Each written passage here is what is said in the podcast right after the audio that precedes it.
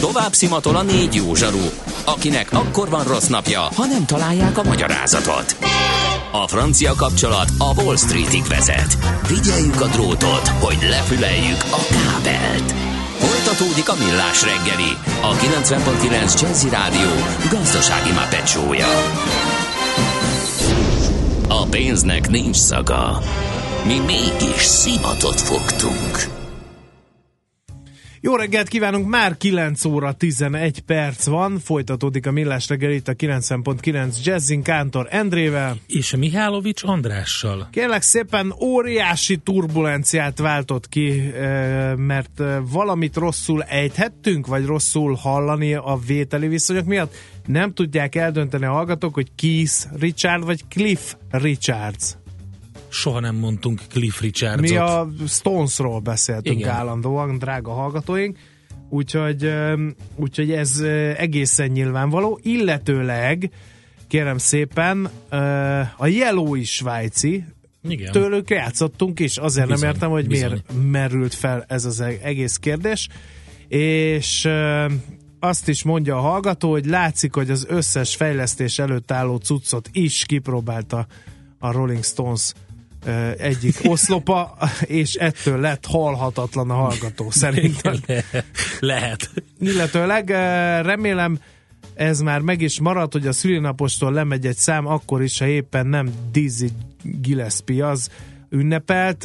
Remélem, hogy lesz Motorhead is majd a Lemmy évfordulón. Hát ezt én így nem merem, és nem is nagyon szeretném Mindig kitalálunk valamit. De Én azt valami... tudom, hogy mindig kitalálunk valamit, és azt is tudom, hogy Igen. hétfőnként ide várjuk szeretettel a stúdióba az agrárvilág összes muskátliát.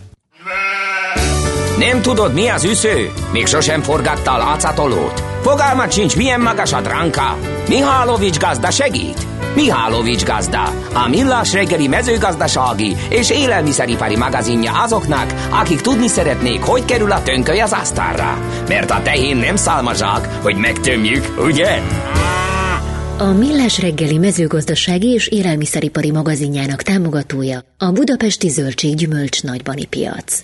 Kérem szépen elirigyelvén Katona Csaba babérjait, illetőleg a karácsony közelettével adja magát, hogy egy kis agrártörténeti visszapillantást vázoljak, szögeljek itt össze a Miálovics gazda rovatából. Endre, nem menjél ki, légy szíves, mert direkt neked címeztem Kélek, néhány szösszenetet ebből. az ablakot, ennyit tettem Már mindössze. a régi görögök is helyett, már a bibliai időkben is volt mezőgazdaság. A Bibliából egészen pontosan Akkor ki lehet a mennyei olvasni. manna lesz. A mennyei manna lesz igen, itt. Igen, igen, a mennyei manna is lehet. Na most akkor kérem szépen, mivel nagyon-nagyon sok, mint, tehát gyakorlatilag a teljes agrárkörképet és élelmiszeripari körképet ki lehet olvasni a Bibliából. Most én azt gondolom, hogy minden szednek maga felé hajlik a keze alapon. Gyakorlatilag két témát járnánk közül, körbe. Az egyik az a bibliai idők állattenyésztése, a másik pedig a bibliai idők borkultúrája. Nem mellesleg azért, mert a velem szemben Köszönöm.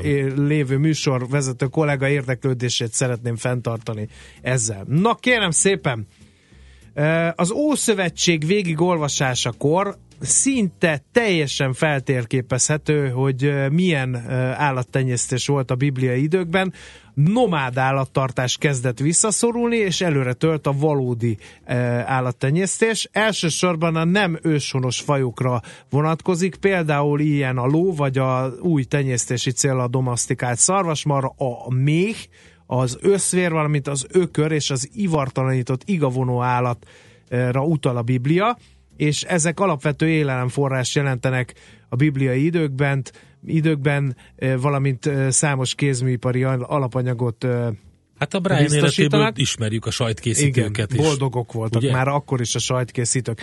Kérlek szépen, de ne felejtjük, hogy a külterjes állattartás is megmaradt, mondjuk ugye Jézushoz, mikor mennek a napkeleti bölcsek, akkor egy istálóban ugye a barmok hát közt nyugszik Szent Fia sor marad, de ugye a pásztorok látják meg a betlehemi csillagot, úgyhogy megmaradt külterjes állattartás is, mert nagy területek voltak így hasznosítható, junyájak és kecskék legeltek annyi abban az időben.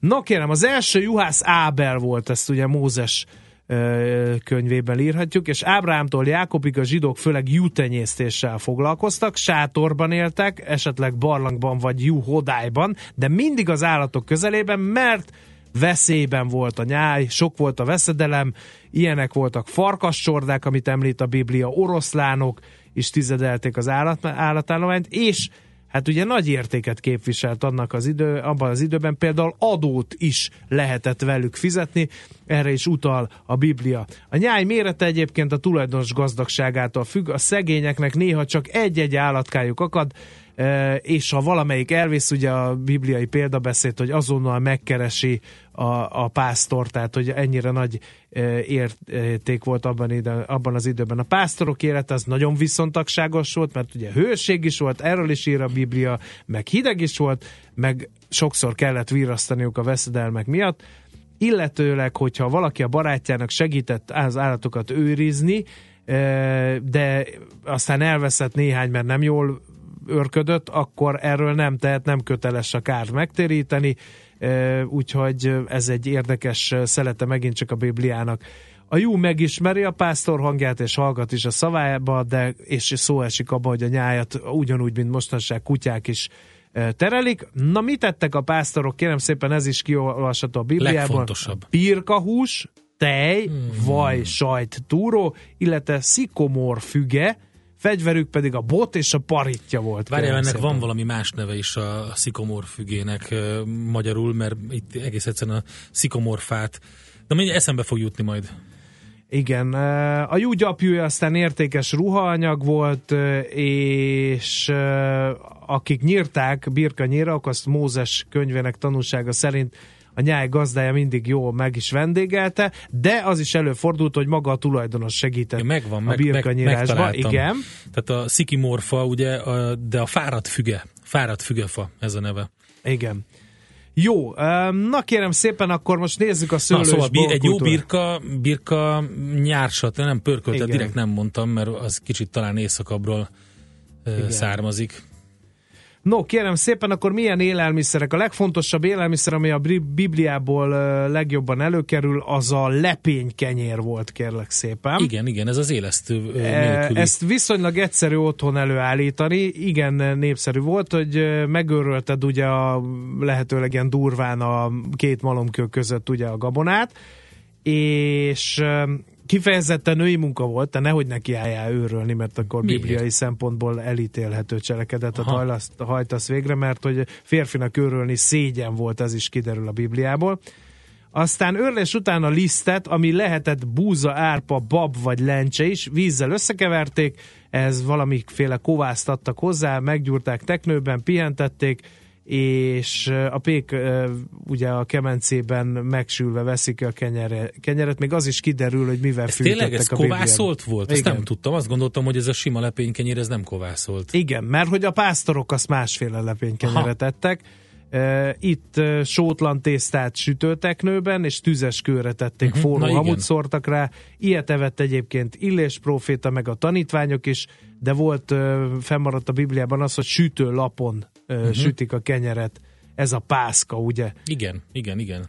No, akkor nézzük a borkultúrát. Helyes. Szőlőhúsból erjesztettek bort, ez is biztos, de, de kérlek szépen gránátalmából is. Is amit fűszereztek, vagy árpából, mézből, datójából is. Az Erre na, van utalás a Bibliára. Mindegy. bizony van. A szőlőbort pedig néha mirhával ízesítették, de a leggyakrabban úgy fogyasztották, hogy némi vízzel felhigították. Figyelj, és... szerintem ami erjedt, abból italt készítettek. Ezek, amiket említettél itt, a, a gyakorlatilag az, az ilyen ős sör, vagy valami Igen, ilyesmi. valami ilyesmi az, az inkább ugye erősebb volt, főleg azokra az ilyen, ilyen belga, komolyabb sörökre emlékeztet, ilyen 11-12 százalékos alkohollal.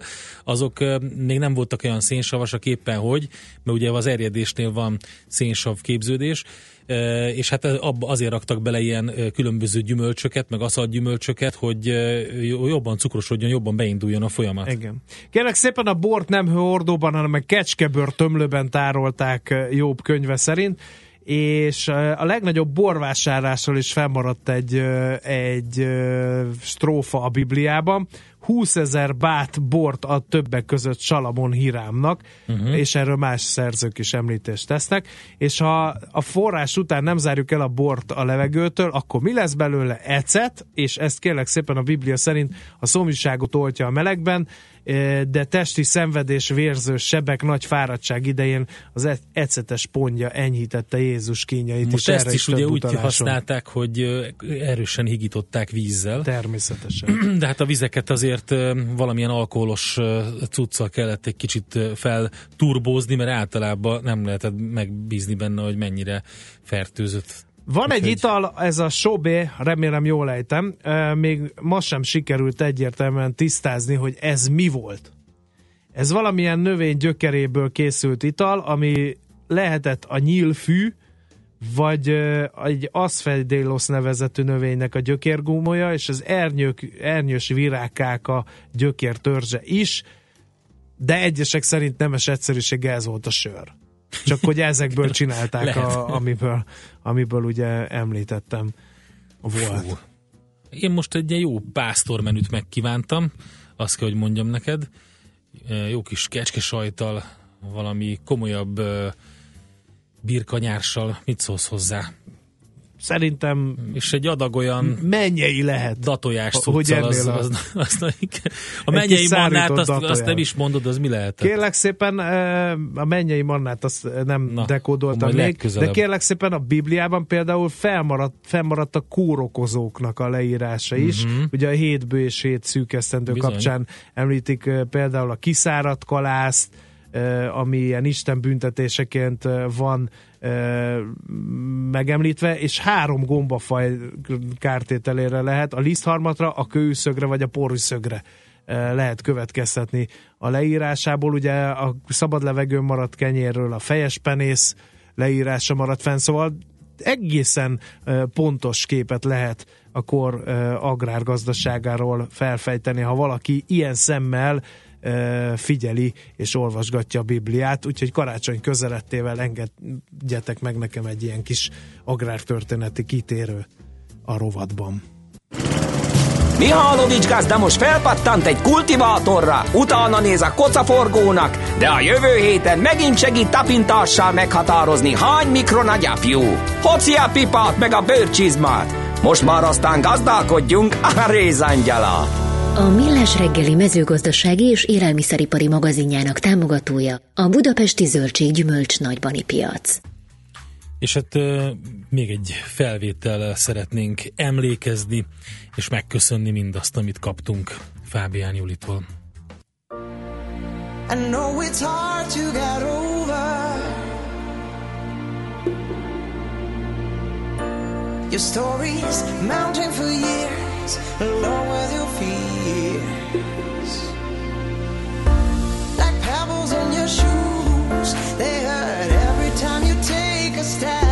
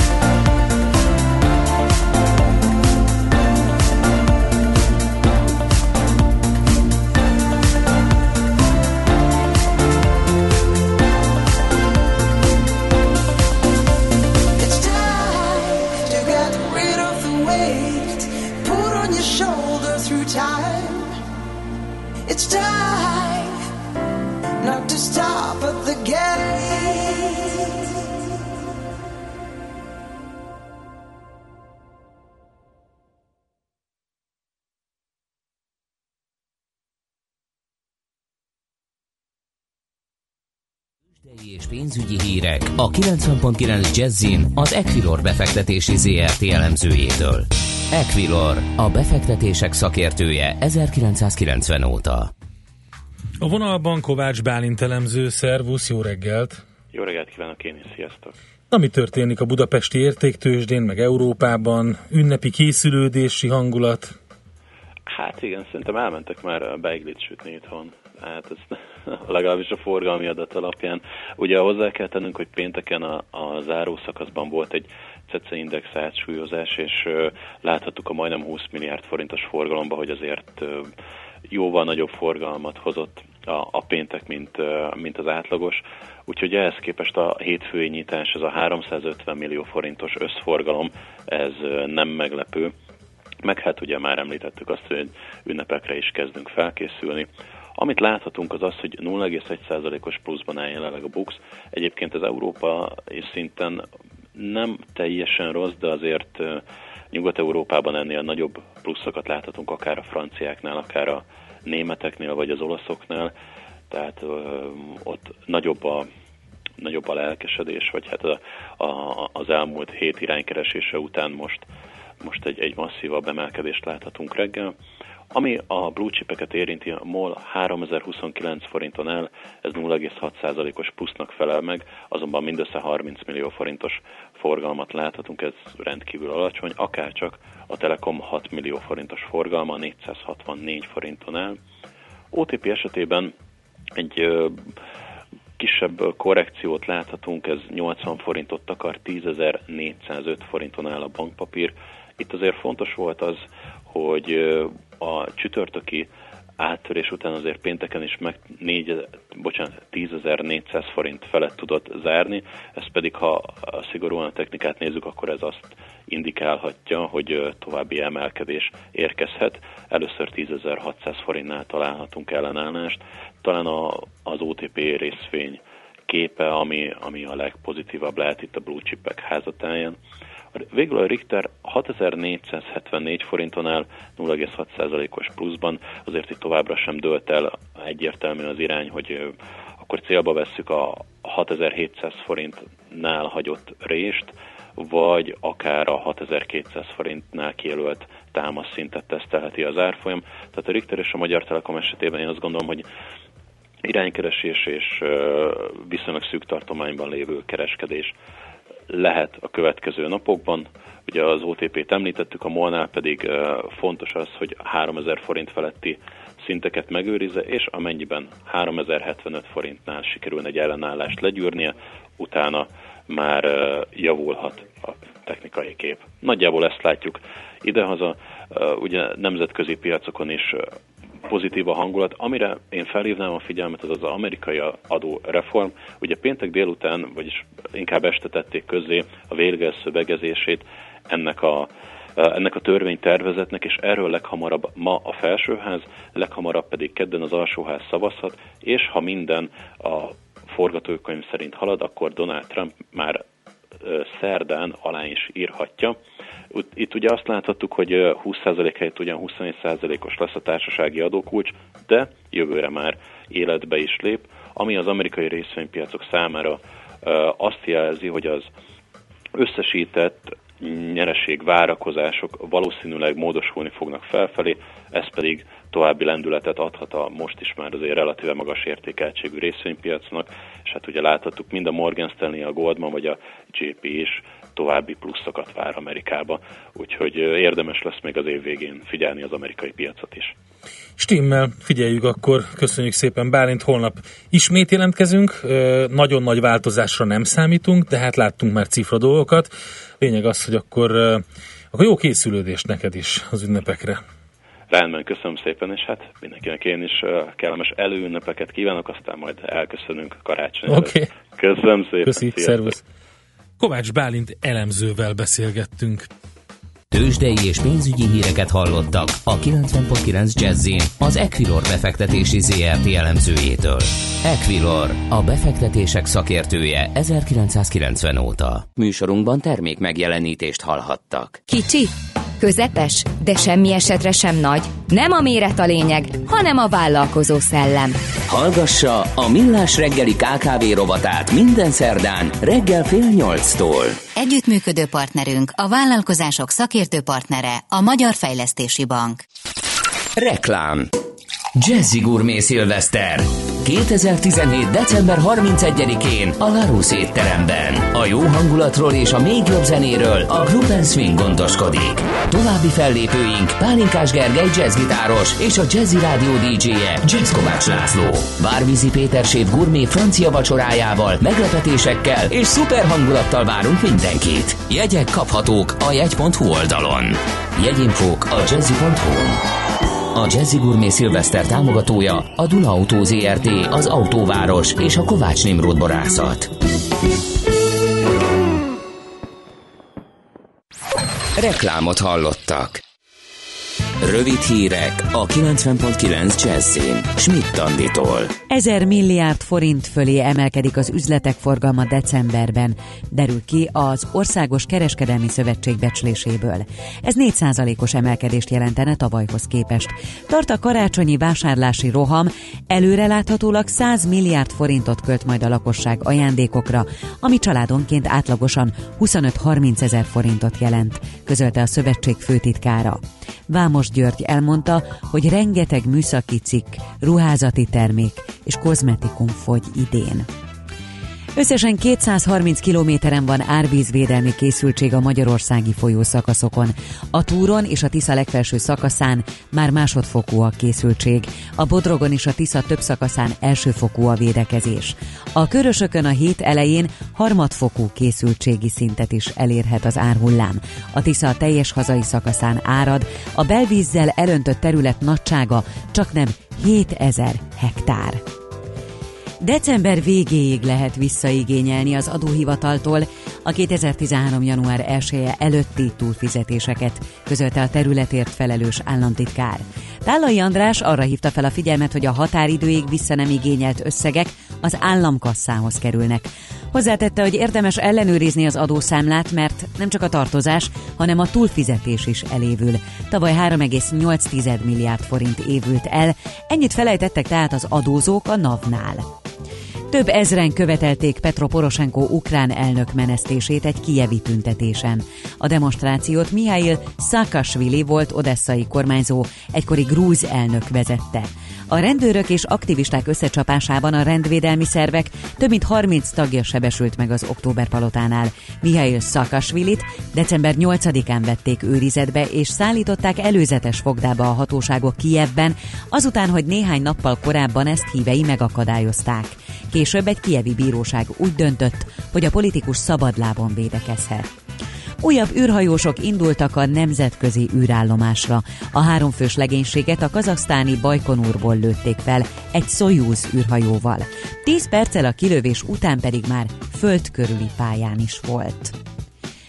Napos, de hideg időnk lesz ma az ország középső részén húzáporok is lehetnek. Érdemes rétegesen felöltözni, napközben sem melegszik ugyanis a levegő plusz 4 fok fölé. A jövő hét elején is még maradnak a mínuszok. A hírszerkesztőt Schmidt-Tandit hallották friss hírek legközelebb fél óra múlva. Budapest legfrissebb közlekedési hírei itt a 90.9 jazz jó napot kívánok! A fővárosban befejezték a helyszínelést és a műszaki mentést az Üllői úton a Mária utcánál. Megszűnt a torlódás is. Erős a forgalom továbbra is a Róbert Károly körúton a Lehel utcától az Árpád híd irányában, a Hungária körúton mindkét irányban, a Kerepesi út, Fogarasi úti csomópont környékén, az Üllői úton befelé pedig az Ecseri út közelében.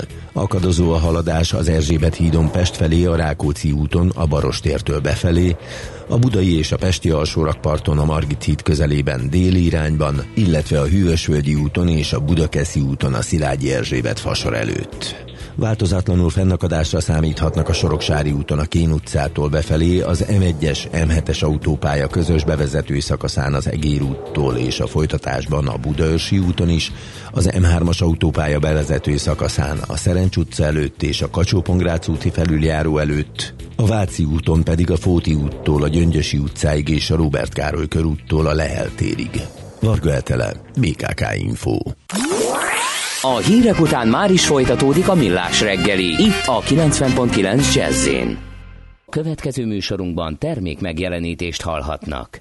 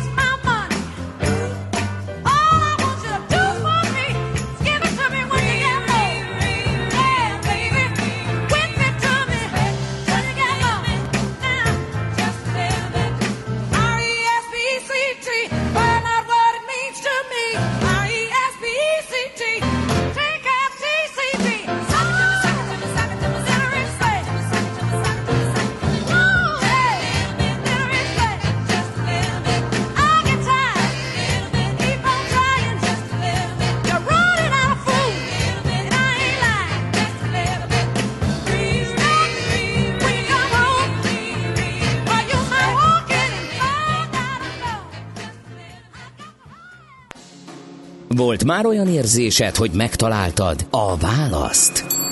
Aha, aha, aha. Heuréka élmény. Jövő kutatás a Millás reggeliben. A Spark Institute at IBS szakmai támogatásával. Csak jövő időben beszélünk. És ahogy említettük, már itt van velünk a stúdióban Oltján Gábor, a Data Solutions alapítója és ügyvezetője, közgazdasági programozó, matematikus és a Spark Institute at IBS ben is oktat. Jó reggelt, szervusz! Jó reggelt, üdvözlök benneteket is, és a hallgatókat is. Egy izgalmas téma az, amivel fogunk foglalkozni, ezt járjuk körbe, mégpedig ez az adatstratégia. Mi, mi ez az adatstratégia? A The Economist magazinban néhány hónapja a címlapján egy érdekes hasonlat szerepelt, és ez szerint a hasonlat szerint az adat olyan a 21. században az emberiségnek, mint a kőolaj volt a 20. század elején, vagyis ez a mozgatórugója a növekedésnek és a változásnak is. És az adat másban is hasonlít a kőolajra, méghozzá abban, hogy kőolajhoz hasonlóan ezt is gyűjteni kell, tárolni kell, és finomítani kell, vagy ahogy az adatokban, adatokkal kapcsolatban mondani szoktuk, elemezni kell, illetve analizálni kell annak érdekében, hogy értéket teremtsen. Hát ugye, hogy érték, azt lehet látni azon, hogy a kriptobűnözés az hol tart, illetve az, hogy az adatlopás, mint üzletág, az gyakorlatilag már-már a drogkereskedelemmel vetekszik, úgyhogy amit ugye értékes és el, el lehet lopni, annak nyilván, és azt lehet hasznosítani is. Na de maradjunk az hogy hogyan. Igen, fel vagyunk készülve erre a olajbányászatra? Most idézőjelbe téve az olajbányászat szót. Föl kell, hogy készülve legyünk, hiszen iszonyatos potenciál van benne. Most a vállalati adatstratégia az um, azzal, pontosan ezzel foglalkozik, hogy uh, hogyan lehet uh, a vállalati uh, rendelkezésre álló adatokat, az adatvagyont, hogyan lehet uh, tárolni, minőségét megőrizni, feldolgozni és hasznosítani uh-huh. annak érdekében, hogy minél nagyobb üzleti értéket teremtsen. Ez uh, egyéb például marketing stratégiával, uh, vagy kereskedelmi stratégiával, vagy árstratégiával azonos metódus szerint készíthető az adatstratégia? Tehát, hogy hol keletkezik adat, milyen adat keletkezik, uh, mire lehet ezeket használni? Abszolút, Tehát, igen. Igen. Teljesen egy hagyományos stratégia. Mint ahogy az adatot uh-huh. is ugyanúgy tudjuk kezelni, mint bármi más céges vagyontárgyat, ezt is megfelelő karba kell tartani, az értékét bővíteni kell, és hasznosítani uh-huh. kell. Lefogadom, hogy az adatgyűjtésben jól állnak a cégek, de az adatfeldolgozásban már nem, mert pont ennek a rovatnak a témája volt az, hogy a data scientistek lesz a jövő foglalkozás, és ma még egy-egy mohikán van belőlük csak a piacon. Így van az adatgyűjtéssel sem állunk azért annyira jól. Jelenleg egyébként elemzők azt mondják, hogy körülbelül az adatoknak a fél százaléka van jelenleg megfelelően hasznosítva. Tehát a töredéke, iszonyatos potenciál van benne.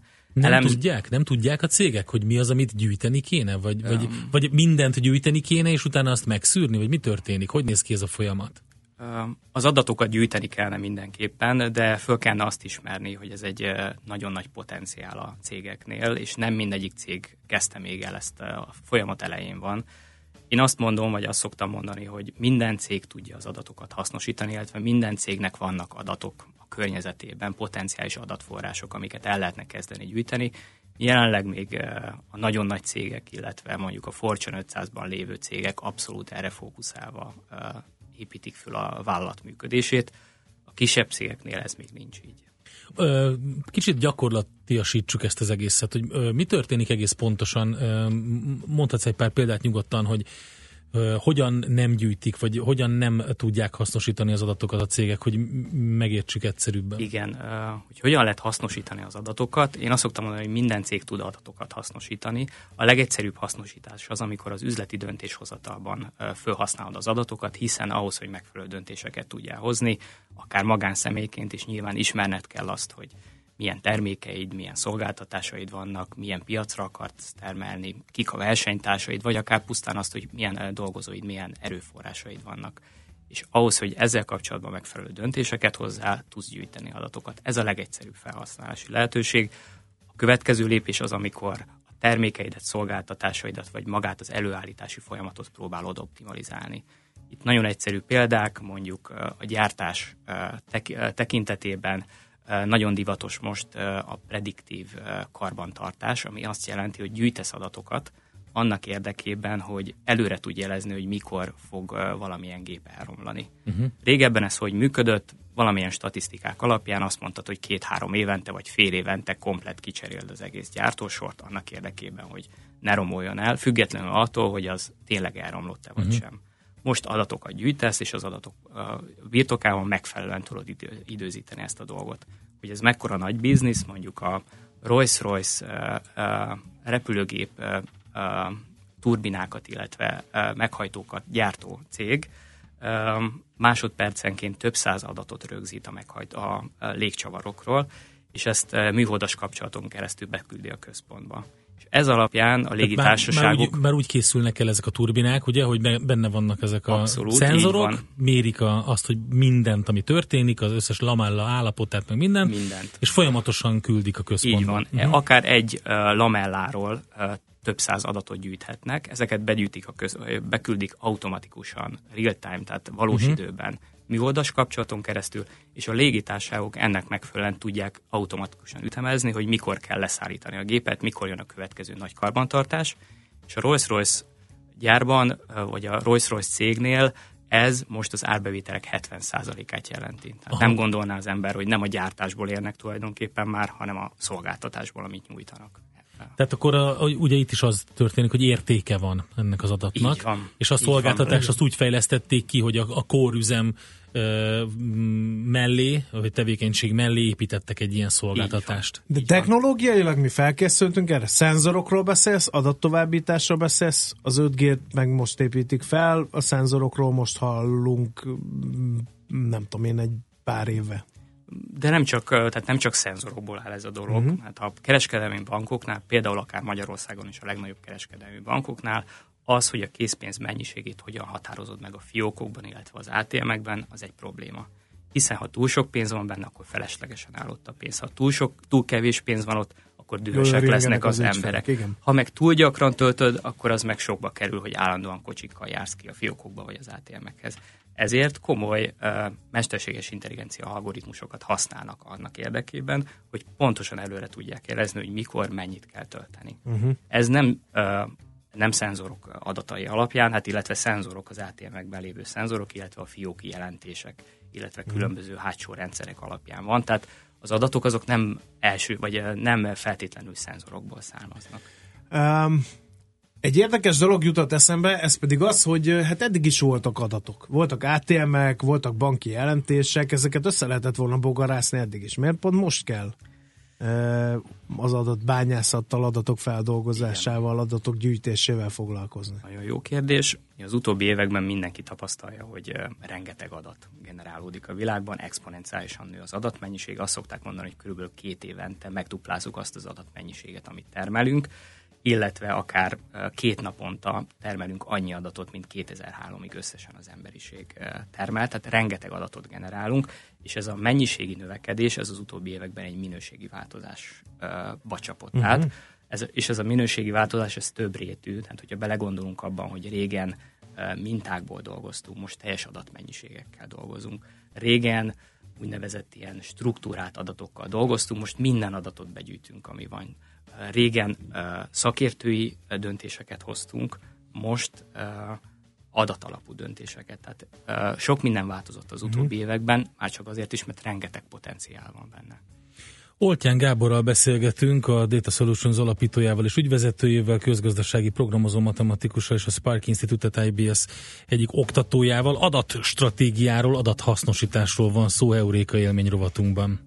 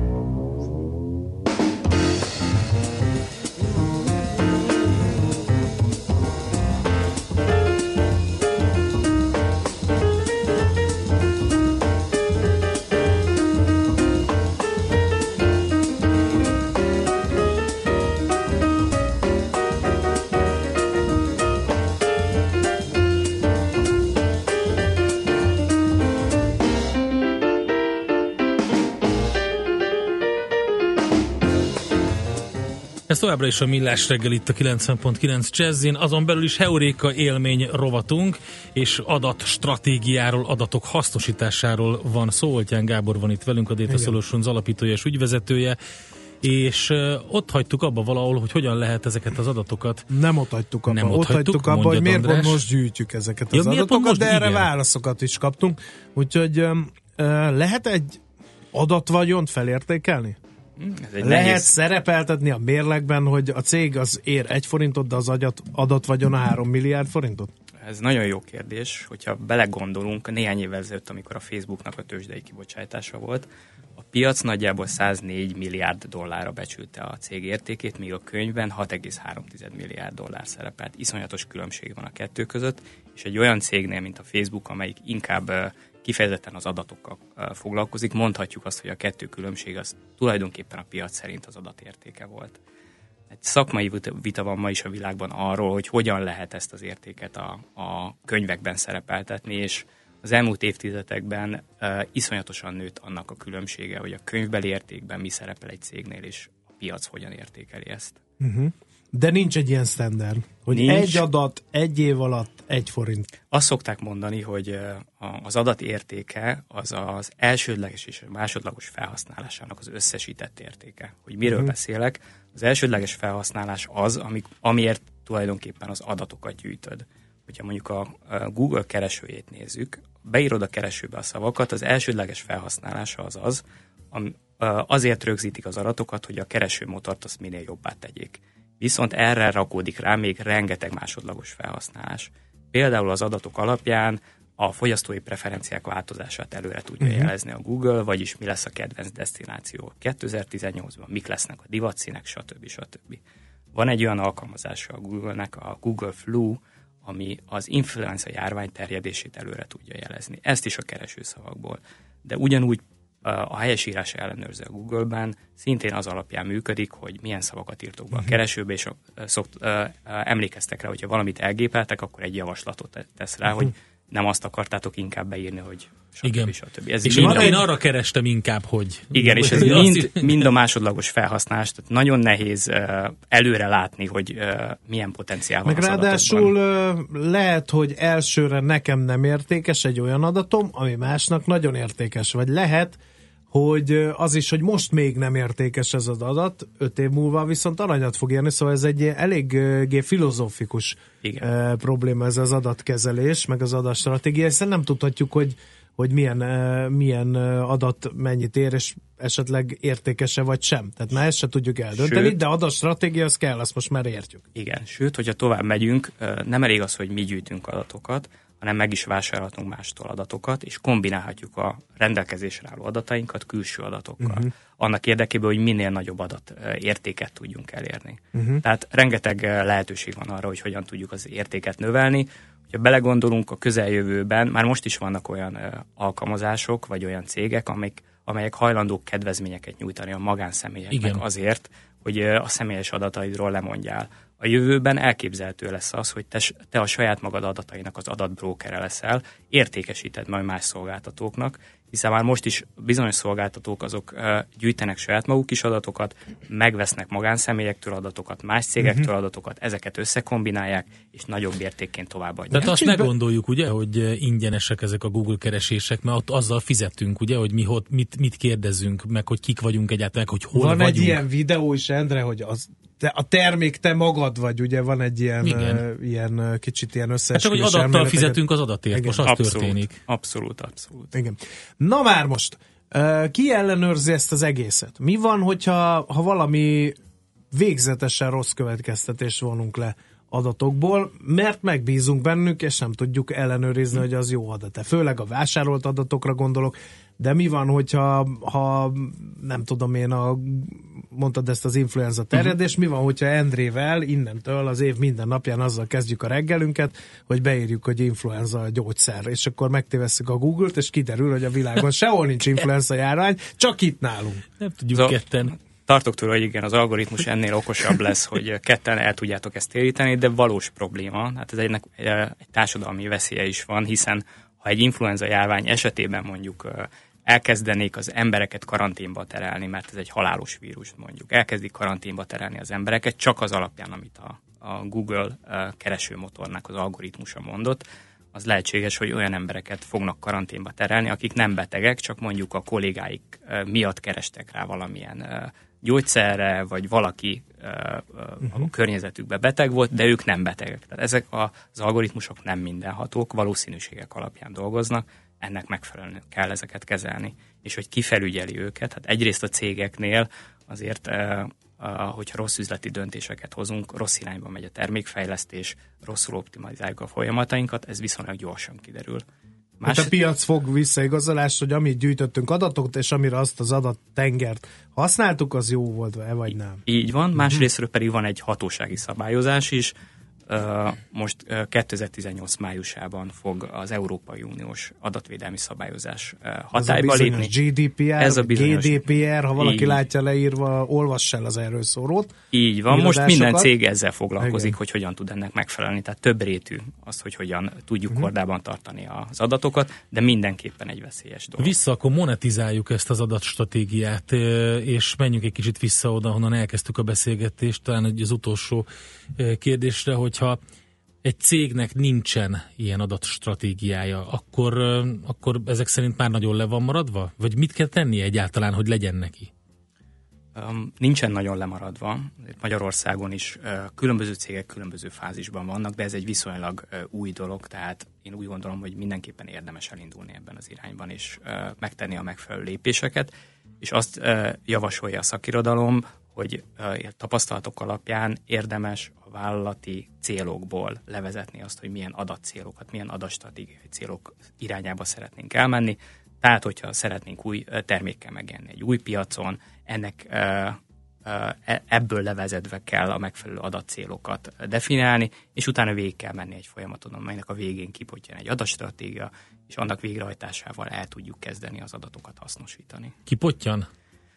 Ez így kö, egyszerű, csak azért, hogy egyszerűnek hangzik, hogy összegyűjtöm, oké, hát rögzítünk mindent, lesz egy csomó adat, a végén lesz egy stratégia. Hát ez nem, nem olyan könnyű azért. Igen, annyira egyszerű, mint minden más vállalati stratégia. tehát megfelelő lépéseken kell végigmenni, úgy kell az egészet kezelni, mint egy szakmai projekt. A szakmai projektet elő kell készíteni, tervezni kell, figyelembe kell venni, hogy mhm. milyen belső és külső adataink vannak, milyen kompetenciáink vannak, milyen technológiákat kell fölépíteni, stb. stb. stb ezt meg lehet magunk csinálni, vagy ez óhatatlanul szükség van segítségre? Mert az, hogy milyen adatokat gyűjtünk, azt mondjuk talán az informatikusok a cégnél át tudják nézni. Az, hogy hol tároljuk ezeket az adatokat, azt megint csak meg tudjuk oldani. De hogy mihez kezdjünk ezekkel az adatokkal, hogyan lehet előre vinni a cég szekerét eh, ezeknek a feldolgozásával, ahhoz viszont már szakember kell érdemes külső szakembert bevonni, annál is inkább, mert egy külső szakember kívülről lát a cég tevékenységére, uh-huh. és ö, olyan dolgok, amik nekünk lehet, hogy egyértelműek, vagy abszolút nem látjuk a fától az erdőt, az egy külső szemnek ö, lehet, hogy egyértelmű lesz, vagy máshogy fogja látni a Na dolgokat. de gatyára vetkezni egy vadidegen ember előtt? Igen, ez mindig probléma. Természetesen a cégek most is dolgoznak külső tanácsadókkal, ezután uh-huh. is fognak külső tanácsadókkal dolgozni, és az adatstratégiában is lehet külső tanácsadókkal dolgozni.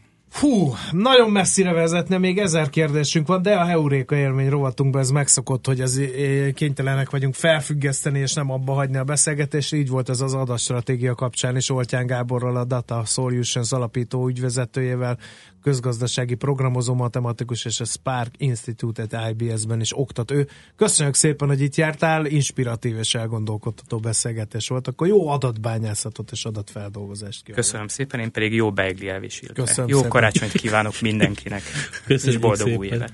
Köszönöm. Heuréka élmény, a millás reggeli jövőben játszódó magazinja. Mindent megtudtok majd. Szakmai partnerünk a Spark Institute at IBS. Ennyi volt a mai Millás reggeli, köszönjük szépen a megtisztelő figyelmet. Kedves András, neked akkor nagyon boldog karácsonyi ünnepeket kívánunk. Köszönöm szépen, Majd találkozunk végre nem én, az új évben. hanem az ács. Végre nem az ács, hanem én. Végre te, lesz itt veletek, te utazol igen. most egy kicsit, pihensz, kipihened a fáradalmakat, a stresszt. Hívjatok, ha valami van, a karácsonyi bulikat nem értetek, kipihened. hívjatok fel nyugodtan. Jó, mindenki, Jó? Én, én, én megígérem neked, hogy hajnal kettő és három között állandó jelleggel foglak téged tárcsázni, úgyhogy ha, ha gondolod, jó, add ki a telefonszámomat, és nyugodtan írjad ki a Facebookra. a Facebookra, és a kedves mindenki hallgatók is hívjanak, aki, akinek van. szüksége van erre. No, Holnap mindenkinek jönnek, boldog karácsony kívánok én is.